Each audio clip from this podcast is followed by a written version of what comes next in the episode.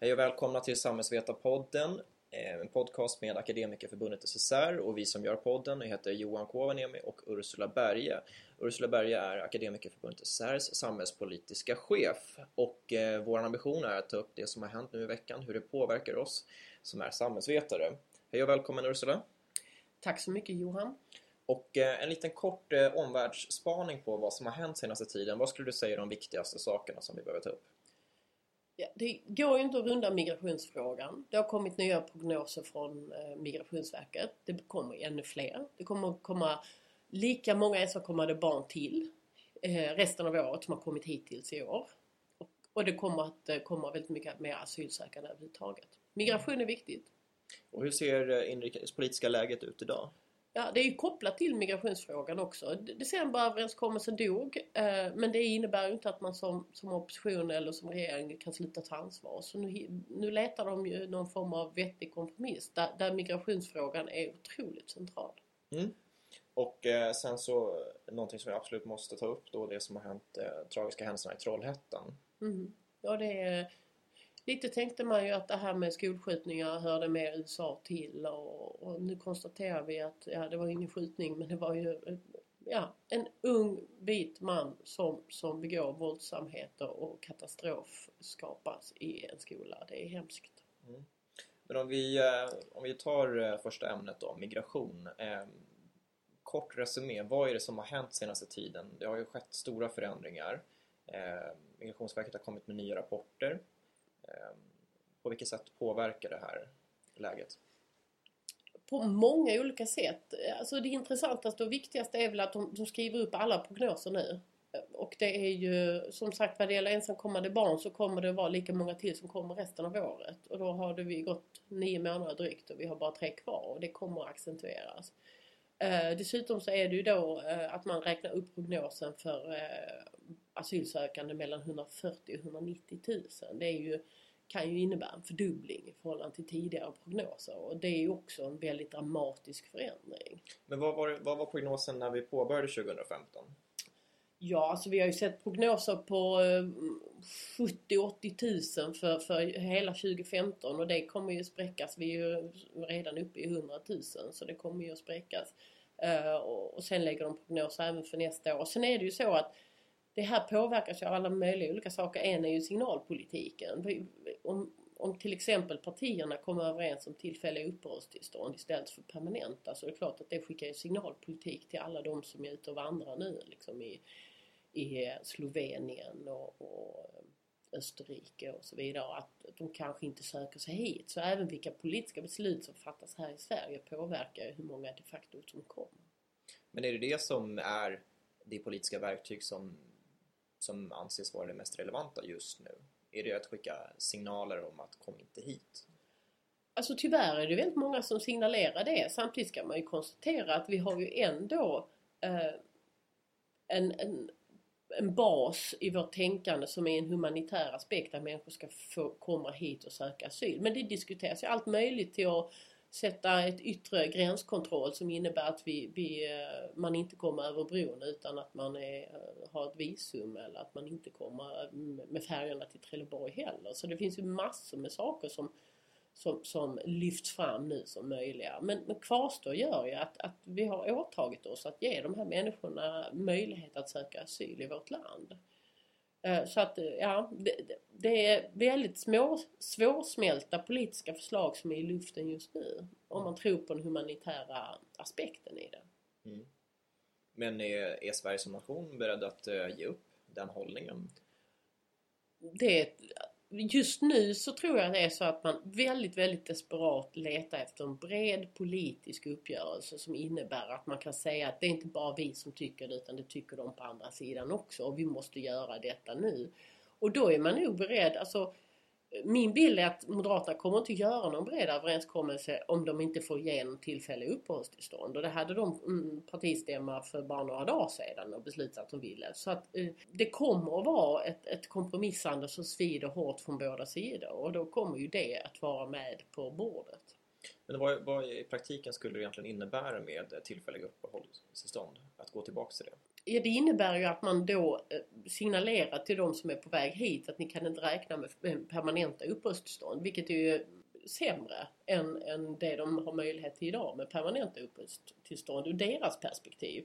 Sedan så är det ju också så att vad det då innebär det är ju att det blir en helt annan process på Migrationsverket. Då ska de inte pröva det hela en gång utan de ska pröva det med jämna mellanrum och pröva det också mot hur den här individen har etablerat sig på arbetsmarknaden. Alltså du, du mångdubblar ju Migrationsverkets arbete. En myndighet som redan nu går på knäna och jobbar sju dagar i veckan. Så det är mycket som händer. Mm. Och vad innebär det för individerna som kommer hit då med eh, alltså en, en ändrad hållning på uppehållstillstånden? Alltså, jag tycker det centralaste och det som gör att i alla fall jag är kritisk till tillfällig uppehållstillstånd det är att det ändrar hela individens föreställning om vad de ska göra i Sverige att de är här för att komma undan ett krig och få möjlighet att vara här under, under det, den perioden då, då kriget rasar. Men sen ska de till, iväg igen, är ju grundtanken eh, i ett sånt resonemang. Och det, det främjar ju inte tanken att du från dag ett här ska jobba allt vad du kan och få förutsättningar att göra allt du kan för att komma in i det svenska samhället. Så det försenar och försämrar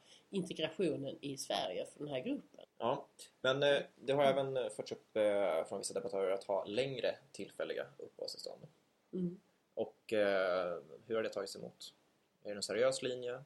Ja, alltså det är klart att ju längre tillfälliga uppehållstillstånd man erbjuder desto, desto mindre slipper man ju problemet med den ökade administrationen och så vidare. Men det leder ju också till att då har du ännu mindre förutsättningar att integreras i det svenska samhället. För att du har inga förutsättningar för ett permanent uppehållstillstånd eh, i närtid. Så att eh, det upplever jag som, som eh, om möjligt ännu mer problematiskt. Eh, men ja, det är hur man än vänder så kommer det vara otroligt smärtsamma kompromisser som ska göras. Och alla partier har sina käpphästar och det kommer att vara fruktansvärt jobbigt att se hur man ska hitta ut med, med heden i behåll. Men hur ser det, om vi tittar på det ekonomiska läget då? Eh, kostnadsberäkningarna går uppåt mm. eh, som en följd av det här. Eh, och pengar tas från biståndspengar. Mm. Och vilket gör att vi, vi flyttar egentligen kostnadsposter. Mm och förväntas öka den här förflyttningen av kostnadsposterna. Mm. Eh, vad blir konsekvenserna av det? Är det någon, alltså, går det att förhindra det här eller är det här enda vägen ut? Jag tycker det är problematiskt. Nu finns det en internationell överenskommelse att man kan göra så att man kan flytta pengar från biståndsbudgeten eh, till asylmottagandet. Och jag tycker det är rent moraliskt otroligt kom, äh, komplicerat. För det innebär ju att extremt fattiga människor i våra biståndsländer drabbas av det här. Och det, det, det är liksom en, en, ett förflyttande av liksom, problem som, som inte är speciellt aptitligt tycker jag. Och det, det, om vi tänker på vilka biståndsländer vi har så, så har de ju ohyggligt stora problem som vi skulle behöva ja, på olika sätt stödja eh, dem att komma ur. Så att jag tycker den konstruktionen problematisk överhuvudtaget. Sen är det ju så att det är ju extremt mm, stora kostnader som nu liksom signaleras från Migrationsverket att det kommer att kosta så otroligt mycket mer. Jag tycker att det här, man kan se det ur ett annat perspektiv. Om, om man tänker att det här är en otroligt bra finansiering av, av, eh, i Sverige just nu så är det ju inga problem att lånefinansiera en god investering. Vi har ju en av, av västvärldens lägsta statsskulder och det är väldigt många som tycker att det just nu i det här konjunkturläget finns för, väldigt stora fördelar i att driva en stimulans ekonomi och, och låna för vissa kloka investeringar. Och då tänker de flesta alltid på järnvägar och bostäder. Men det här att investera i människor som kommer hit och får chans att komma in på det svenska, i det svenska samhället och på den svenska arbetsmarknaden är en jätteklok investering. Om vi matchar det med att de faktiskt får förutsättningar att komma in i Sverige. Så jag kan tycka att detta är en väldigt klok investering också. Men då pratar vi istället om att se det här mer som, ja, vad ska, det går ju tillbaks egentligen till, till den rapporten som du eh, medverkar i, eh, Öppna systemen. Alltså att vi, vi för in, vi ser de som kommer som en, en nödvändig resurs för att uh, kunna upprätthålla ett välfärdssamhälle i Sverige. Mm. Och att det här, det vi gör idag kan vi få tillbaks imorgon. Mm.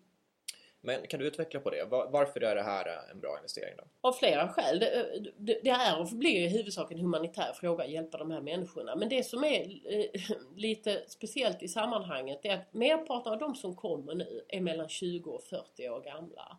Och tittar vi hur vår demografikurva ser ut så är det just den åldersgruppen vi har alldeles, alldeles för få av. Och hade det inte varit för invandringen hade ju antalet i arbetsför ålder minskat för varje år som går och dessutom som andel av ja, hela populationen. För att vi får väldigt, väldigt, väldigt mycket fler gamla människor. Och de här människorna kommer ju eh, liksom, ja, antingen helt färdigutbildade eller eh, ganska väl utbildade. Så det krävs inte speciellt mycket insatser för att de skulle kunna komma in i svenskt arbetsliv. Så det här är lite en golden opportunity för oss. Att om vi ger de här människorna möjlighet att, att komma in på svensk arbetsmarknad. För vi har så otroligt stora bristyrken inom vård och inom omsorg. Eh, till exempel eh, eh Norrlands inland har ju skriande behov av, av grupper att, som kan jobba inom vård och omsorg. Det finns ingen som flyttar dit och, och med de utbildningarna. Och det är en enorm potential förutom alla andra yrken som civilingenjörer och läkare och samhällsvetare och ekonomer och allt möjligt som de kommer med som utbildningsbakgrund. Så det är en väldigt stor potential. Dessutom så, så som sagt, vi behöver inte betala deras skolgång. Vi behöver inte betala deras eh, ja, ända fram tills att de är 20 år gamla utan de kommer rätt färdiga. Mm. Men jag skulle vilja nämna någonting om samhällsklimatet just nu. Vad brinner eh, asylboenden mm. i Sverige just nu? Mm. Vad är, det, vad är det som är på väg att hända just nu egentligen med samhällsklimatet i relation till migrationen? Mm. Ja, vi, vi, är väldigt, väldigt dåliga på att förklara att detta är en stor, stor tillgång för Sverige.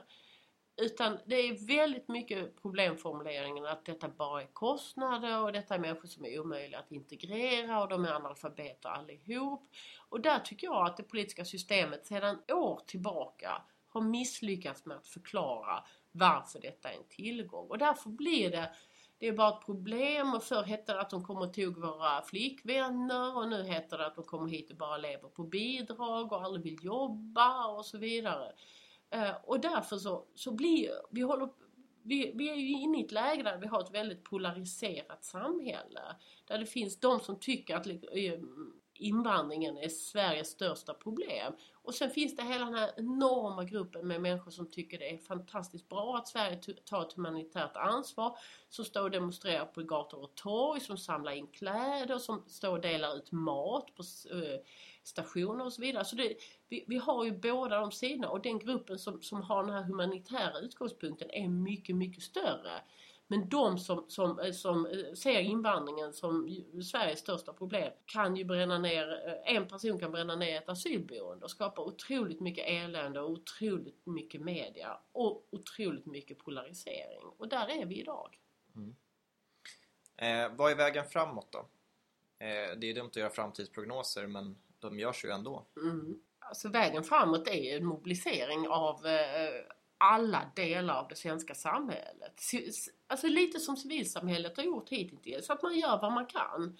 Jag tycker det. Men inventera. Har du ett gästrum? Har du en sommarstuga som står tom? Kan du tänka dig att bygga ett extra hus på din egen tomt? Ett attefallhus som du skulle kunna eh, eh, hysa. Att vi inventerar ungefär som vi gjorde när, när de finska krigsbarnen kom. De var faktiskt väldigt mycket fler än de barn som kommer nu inventera vad det finns för förutsättningar.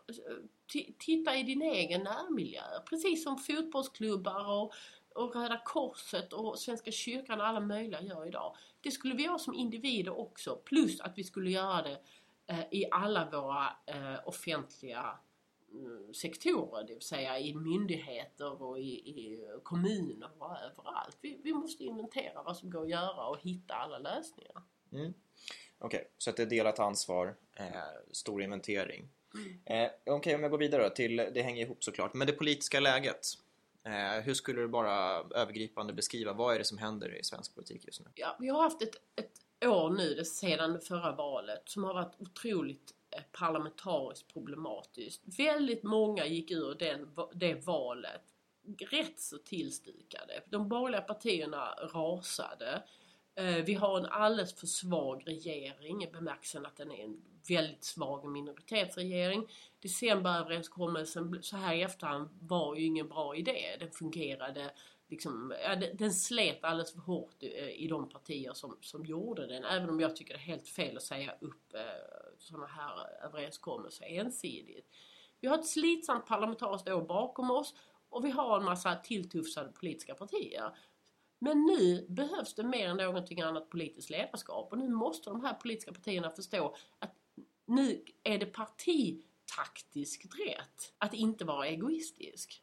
Nu är det partitaktiskt sett smart som partiledare att ta ansvar och visa att man kan fatta svåra beslut i ett problematiskt parlamentariskt läge.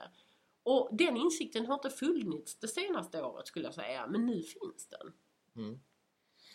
Så vad, eh, vad är då, alltså, om vi går ner i konkretion, försöker landa i något exempel, vad skulle det här vara? Alltså jag tycker det handlar väldigt mycket om att man, man man gör en kraftsamling. Eh, jag är inte speciellt mycket för alla dessa signalpolitiska saker som innebär att människor som flyr får sämre förutsättningar att komma hit. Jag tycker inte att det är det bästa. Men att göra överenskommelser som innebär att man till exempel eh, satsar mer resurser på att, att eh, statliga myndigheter, kommuner och landsting eh, rustar sig ännu mer för att möta det här läget att man gör vissa eh, budgetrevideringar. Till exempel så tycker jag att det är dags att ta bort ränteavdraget nu. Vi skulle spara 30 miljarder per år eh, och ta bort ränteavdraget. Och ränteavdraget är någonting som bara gynnar de som har kapital och, och äger sitt boende och det är otroligt tydliga eh, politiska eller ekonomiska fördelar för de som äger mest. Ja men då fördelar vi om det. Alla tycker, alla ekonomer tycker att det här borde avskaffats för länge sedan men gör det så har vi 30 miljarder att använda till den här smarta investeringen som det innebär att, att hjälpa folk in på svenska arbetsmarknaden. Men att ta bort ränteavdraget skulle ju drabba individer och familjer väldigt hårt ekonomiskt. Och de har gått in med vissa mm. förutsättningar att mm. på den här nivån kan jag låna till mitt boende och om de förutsättningarna förändras då mm. kommer det påverka privatekonomin. Mm. Och samtidigt så har de gått in i bästa fall och investerat i ett boende baserat på en räntesats som är mycket högre än den vi har idag. Man ska ju planera för 6 ränta och inte 2 så där finns redan marginaler. Sen tycker jag vad det gäller ränteavdrag, vi kan inte ta bort det från en dag till en annan. Det måste trappas av. Men alla ekonomer, eller alla, men alla ekonomer som uttalar sig i det här ämnet säger att är det någon gång vi ska göra det så är det nu. Man måste göra det långsamt och, och ansvarsfullt för att, så att folk kan planera för sin ekonomi. Men vi kan inte ha sådana här eh, subventioneringar som skapar bostadsbubblor och som skapar en så dålig fördelningspolitisk profil som det är ett exempel på. Mm. Men då går det här också in på bostadspolitiken och bristen på bostäder. Vad, eh, där finns det ju enorma problem att planera från, eh, från planera nationellt på det sättet i och med att kommunerna på, ansvarar ju för planmonopolet. Mm. Ja och där finns, alltså, och där tycker jag att, och ska man göra någonting också kopplat till migrationen men också kopplat till bostadskrisen eh, mm, överhuvudtaget så där måste ju regeringen inventera allt möjligt. Alltså att man kan överklaga i all evighet och att man kan inhibera en massa beslut liksom i, i, i och, alltså, hela det här maskineriet går ju alldeles för trögt. De måste ju inventera precis alla regelsystem och precis alla överklagandemöjligheter så att man hittar ett smidigare system. Och sen är jag positiv till att man på olika sätt tänker sig en subventionering av byggandet av fler hyresrätter. För det är ändå så att, att, att komma in på svensk bostadsmarknad och köpa en, en lägenhet liksom för ett par miljoner, det kan du inte göra om du till exempel är nyanländ eller om du är ungdom, om du inte råkar ha föräldrar med massor med pengar. Så det är hyresrätten som är vägen in på, på svensk bostadsmarknad för de grupper som idag eh, har problem. Men i vilken, vilken utsträckning är det här ett storstadsfenomen? Och, mm. Eller är det som ett nationellt problem? Ja, alltså det, det, är ett nationellt fenomen i bemärkelsen att, att det gäller inte bara de säg, tre stora städerna. Det gäller alla residensstäder, det gäller alla lä- uh, universitetsstäder, det gäller de flesta uh, städer med högskolor. Det är ganska många städer vi pratar om. Det är klart det gäller inte Norrlands inland och, och liksom Smålands inre skogar. Liksom. Men det gäller väldigt, väldigt många andra ställen. Och, vi har en väldigt stark urbanisering i det här landet. Som merparten av alla människor bor i de här eh, städerna och framförallt ännu fler vill flytta dit där det är bostadsbrist. Så, och det är det i stort sett hela landet. Det är det i Luleå, Umeå och Sundsvall också. Mm. Så det är ett nationellt åtagande vi måste göra. Och vi måste göra ett nytt miljonprogram. Eh, men, men på ett smartare sätt. Mm. Spännande. Okej. Okay. Eh, fler tillägg på aktuella frågor i inrikespolitiken? Ja, vad kan man säga där? Det är ju